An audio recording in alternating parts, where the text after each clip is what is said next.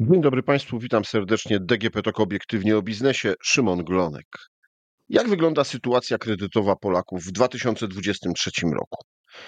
Czy e, naszym zdaniem jest to dobry rok, żeby zaciągnąć kredyt hipoteczny na zakup auta e, lub elektroniki? A może bierzemy kredyty, żeby spłacić e, poprzednie zobowiązania? Czy jeśli decydujemy się na zakup mieszkania, to decydujemy się na bezpieczny kredyt 2%, czy kupujemy za gotówkę? E, I jak wyglądają nasze oszczędności? O to wszystko zapytam doktora Przemysława Barbricha ze Związku Banków Polskich. Dzień dobry, witam. Dzień dobry, witam pana redaktora, witam naszych słuchaczy.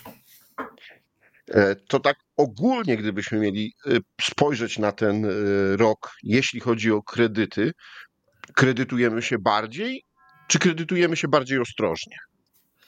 No, najprościej można powiedzieć tak, że dzięki mm, obniżkom stopy referencyjnej Banku Centralnego, a w zasadzie dwóm kolejnym obniżkom, które o 100 punktów bazowych y, zmniejszyło y, y, tą najważniejszą z punktu widzenia kredytów stopę referencyjną, e, w kredytach drgnęło, ale e, pamiętajmy jednak o tym, że to jest drgnięcie z poziomu 6,75 do poziomu 5,75, bo po ostatnich decyzjach Rady Polityki Pieniężnej E, stopa ta najważniejsza pozostała bez zmian.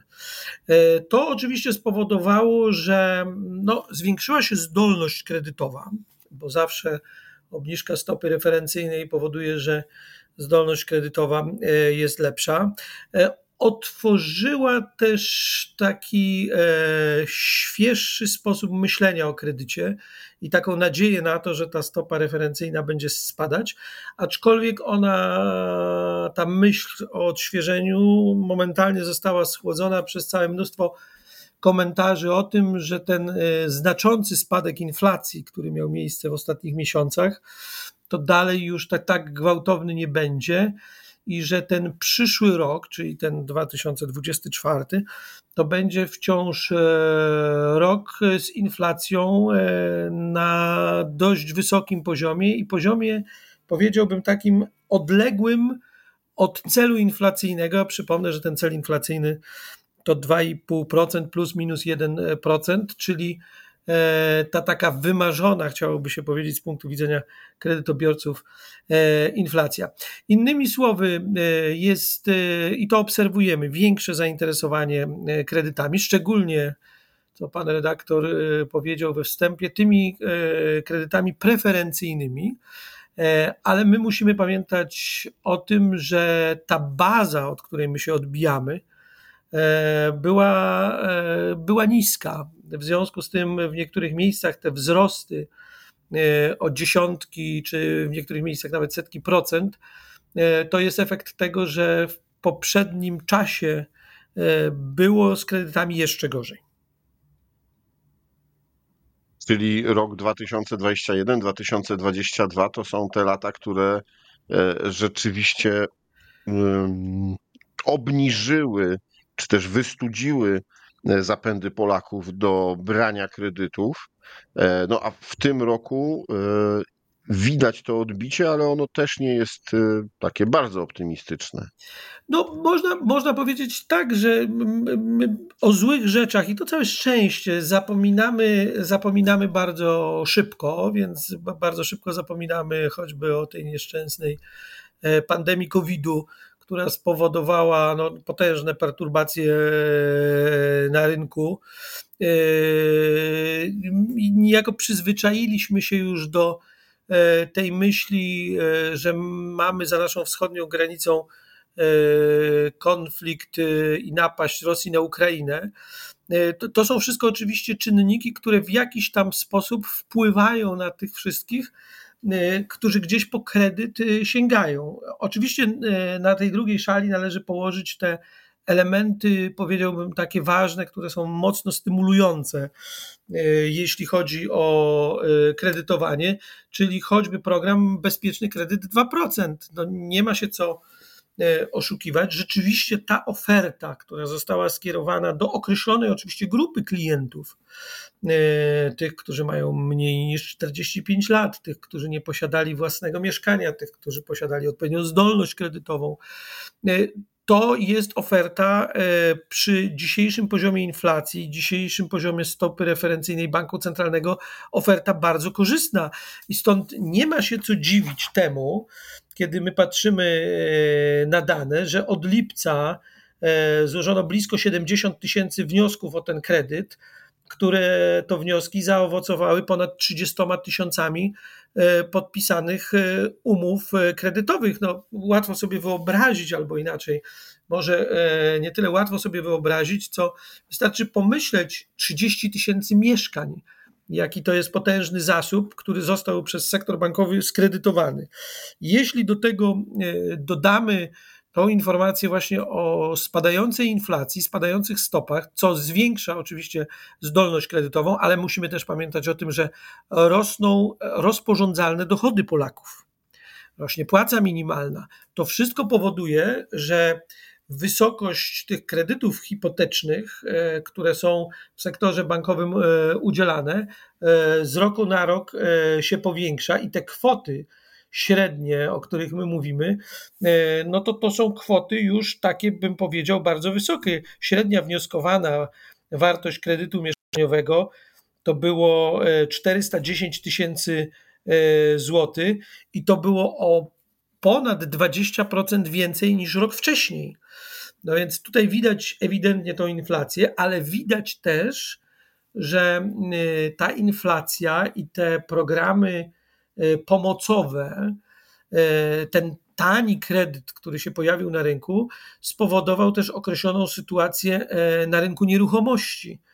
No bo musimy pamiętać o tym, że poprzez problemy związane z pandemią, wiele budów nie wystartowało w tamtym czasie, a ten cykl budowlany to jest jednak dwa lata i troszkę więcej.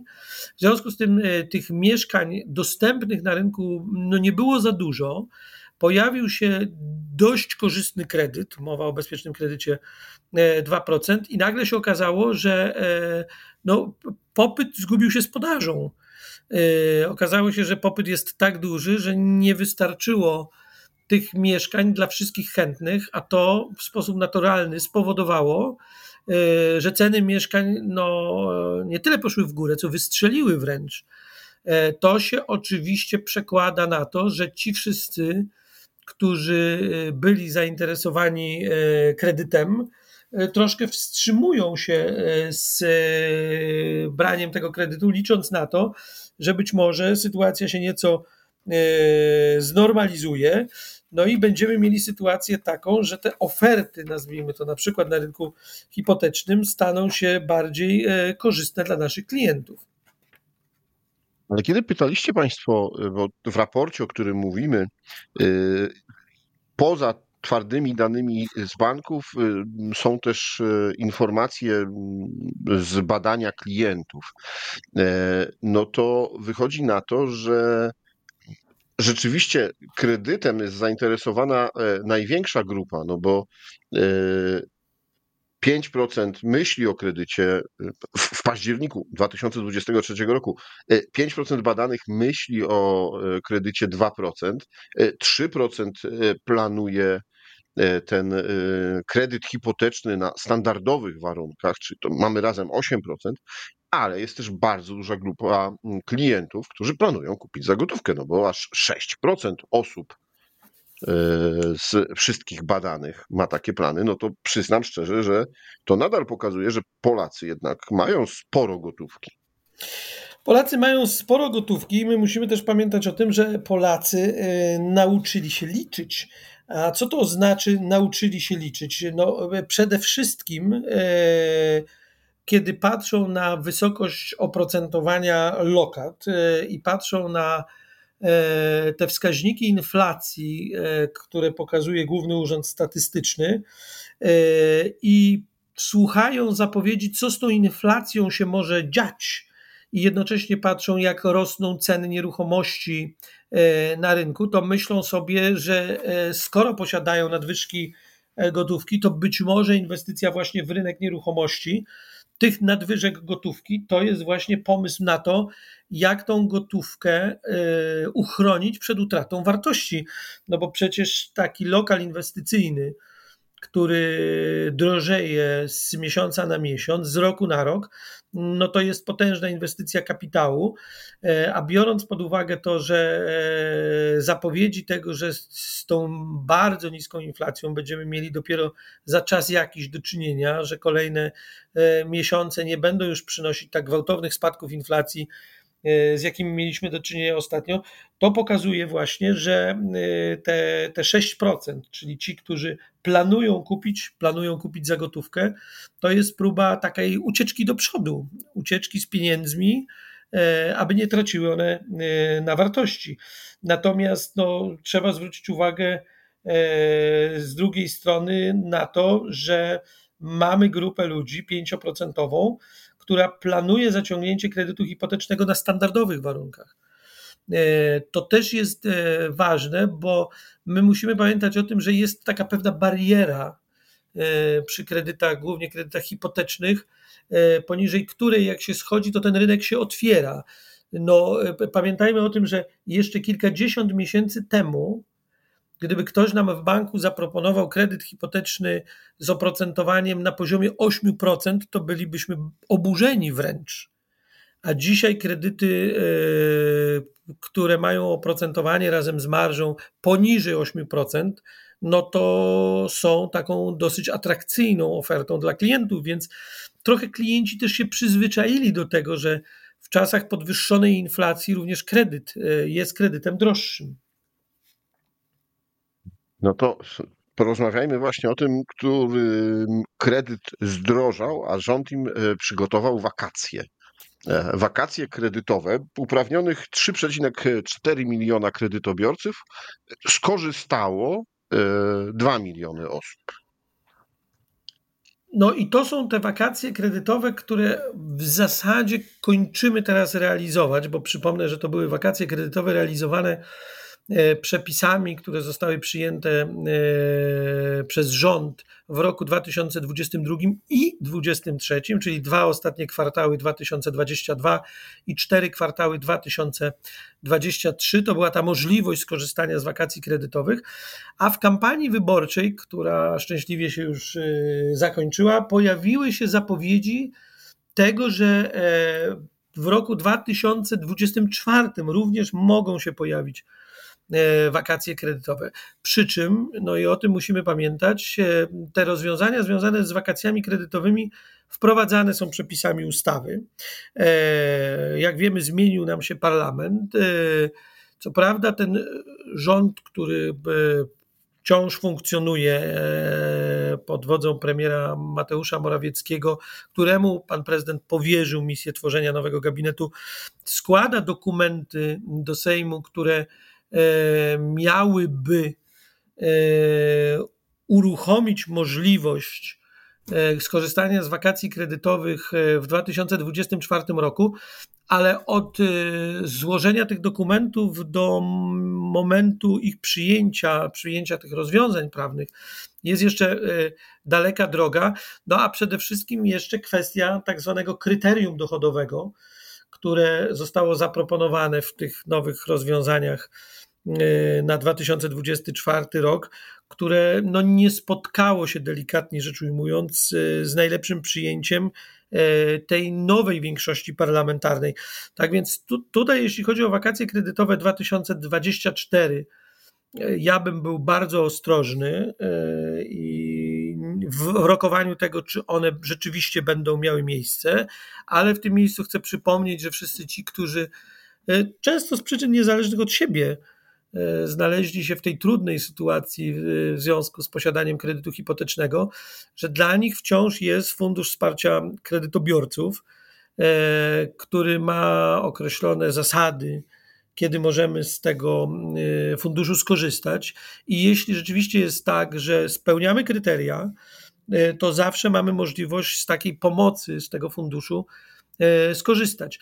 Natomiast jeśli chodzi o wakacje kredytowe, to rzeczywiście te obowiązujące obecnie, to rzeczywiście trzeba zwrócić uwagę na to, że ono w sposób znaczący wpłynęły na sytuację całego sektora bankowego, bo my przy każdej możliwej okazji podajemy i tutaj zachwycamy się wynikami finansowymi, jakie osiąga sektor bankowy, ale my musimy pamiętać o tym, że te koszty ogromne wakacji kredytowych, to one nie zostały poniesione przez e, rząd, który zaproponował takie rozwiązanie, tylko za te wakacje kredytowe e, zapłaciliśmy my wszyscy klienci banków.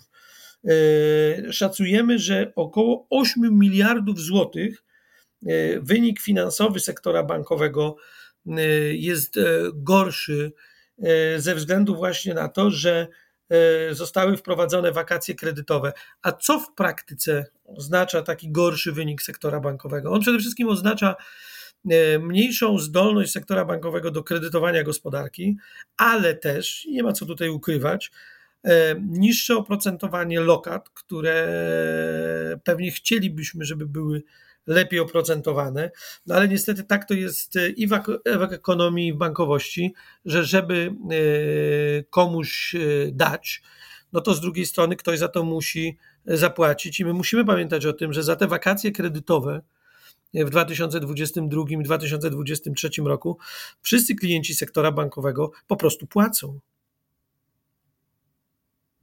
No tak, nigdy nie ma nic za darmo i warto o tym, proszę Państwa, pamiętać. Wracając do kredytów, gdybyśmy spojrzeli na kredyty e, konsumpcyjne, e, no to tutaj na czele e, nadal mamy mm, to, co dzieje się w okolicach mieszkania, domu. No bo klienci deklarują, że najczęściej zaciągają kredyty na remonty. Y, ale w drugiej kolejności jest właśnie spłata innych zobowiązań. Y, czy tutaj w tej spłacie innych zobowiązań y, kryje się właśnie to, że klienci próbują nowym kredytem e, ratować się, spłacać poprzedni kredyt? Ja myślę, że my tutaj mamy do czynienia z wieloma zagadnieniami. Z jednej strony rzeczywiście deklaracje klientów pokazują, że remont mieszkania czy domu to jest najczęściej wybierane wskazanie, gdy pytamy o to, na jaki cel klienci zaciągają kredyty konsumpcyjne, e, ale na drugim miejscu rzeczywiście jest e, spłata innych zobowiązań i to jest często tak, że no my tej ekonomii uczymy się każdego dnia. Zauważamy na przykład, że kiedy jesteśmy w trudnej sytuacji, no bo zdarzyło nam się na przykład utracić pracę i E, banki e, nie chcą na przykład udzielać nam e, kredytów konsumpcyjnych, mówiąc o tym, że nasze dochody nie pozwalają na takie kredyty konsumpcyjne. My sięgamy po pożyczki z firm pożyczkowych, ale kiedy tylko odzyskujemy tą równowagę finansową i mamy tą swoją wiedzę ekonomiczną, e, to wracamy do banków, bo tam zawsze oprocentowanie tych kredytów konsumpcyjnych jest niższe niż w wypadku firm pożyczkowych. E, nauczyliśmy się też, że czasami warto kredyty konsumpcyjne konsolidować, bo taki skonsolidowany kredyt powoduje czasami, że możemy go e, w nieco dłuższym okresie rozliczać, a wtedy te nasze bieżące wydatki, bieżące wydatki gospodarstwa domowego są mniejsze. Ale też warto patrzeć e, na te dane, te deklaracje naszych klientów e, dotyczące tych kredytów konsumpcyjnych, że no, no myślimy o czasami nowym samochodzie, myślimy też o wakacjach, 20 prawie procent deklaruje, że myśli o wakacjach i myśli o kredycie jednocześnie. Ale też, i to cieszy, że zaciągamy kredyty na E, takie tematy jak studia, kursy, szkolenia, czyli po prostu na edukację. Nie boimy się tego, żeby zainwestować w siebie, nawet pieniądze pożyczane od banku, po to, żeby na przykład podnieść swoje kwalifikacje, podnieść swoje wynagrodzenie e, i żeby docelowo z jednej strony mieć lepszy komfort życia, ale w praktyce, w kontakcie z bankiem, mieć po prostu lepszą historię kredytową. Pan tutaj bardzo wiele powiedział e, ciepłych słów pod względem e, Polaków, jeśli chodzi o naszą wiedzę ekonomiczną. Rzeczywiście ostatnio musieliśmy dość szybko nadrabiać i przypominać sobie e, różne zagadnienia. No ale też ta wiedza ekonomiczna pokazuje, albo bardziej to, ile jest oszczędności, depozytów w bankach, to też pokazuje, jaka jest wiedza, ale też jaka jest zasobność Polaków. No i właśnie, jak, jak to wygląda?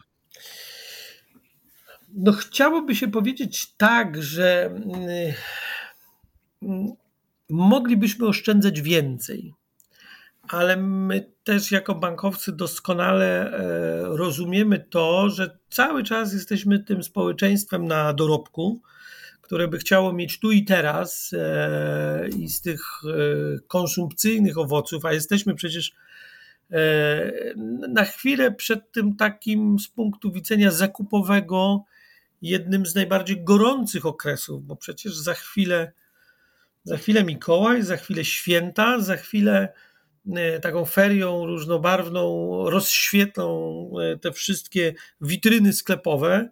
Będziemy trochę oczami kupować, ale będziemy chcieli więcej, więcej, więcej. Wtedy jest oczywiście pokusa sięgania e, po kredyt, ale dobrze by było, żeby to sięganie po kredyt odbywało się trochę na takiej zasadzie, że trochę z oszczędności, a trochę z kredytu. Ja od wielu lat przy okazji różnych rozmów takich o edukacji ekonomicznej, edukacji finansowej przekonuję do tego, że e, kredyty e, to jest taki rodzaj e, odwróconych oszczędności, ale tak jak z oszczędności, tak i z kredytów powinniśmy skorzystać w mądry sposób i jeśli chcemy podwyższyć swój standard życia, jeśli chcemy E, kupić sobie coś bardzo atrakcyjnego, to najlepiej ważyć to w ten sposób, że 20-30% wartości e, tej upragnionej rzeczy finansujemy z naszych oszczędności, a pozostałą część z kredytu, a nigdy w całości z kredytu, to z jednej strony daje nam szansę na to, że bezpiecznie będziemy ten kredyt spłacać, z drugiej strony mobilizuje nas jednak do tego, żebyśmy w każdym miesiącu próbowali jednak e, te kilkadziesiąt, kilkaset złotych e, zaoszczędzić, bo niestety te dane pokazujące, że połowa Polaków e, w ciągu najbliższych 12 miesięcy no nie będzie w stanie niczego zaoszczędzić, to są trochę dane, które mogą martwić. Z drugiej strony można powiedzieć, że znacząca część już oszczędza więc jeśli do tego dodamy tą wiedzę o tym, jak e, ochraniać te pieniądze przed utratą wartości, to są właśnie te wskazania, między innymi dotyczące zakupu nieruchomości, ale też e, coraz e, częstsze poszukiwanie atrakcyjnych lokat bankowych. A przecież takie lokaty można znaleźć, bo nawet dzisiaj, w czasach, kiedy inflacja jest poniżej 10%, w okolicach 8%, e, można znaleźć e, konta oszczędnościowe czy lokaty na kilka miesięcy, gdzie oprocentowanie sięga 7-8%. No więc biorąc pod uwagę oczywiście to, że jeszcze musimy zapłacić podatek belki, ale może zgodnie z zapowiedziami polityków ten podatek już niedługo zniknie, to udaje nam się te oszczędności ochronić. Innymi słowy, chcę powiedzieć tak: e, z jednej strony ta wiedza ekonomiczna, e, z drugiej strony e, no, to poczucie tego, żebyśmy chcieli mieć tu i teraz, powoduje, że oszczędzamy wciąż za mało, a jednak ten, ten poziom oszczędności powinien być wyższy, bo to dopiero tak naprawdę buduje bogactwo kraju, buduje nasze bogactwo jako społeczeństwa.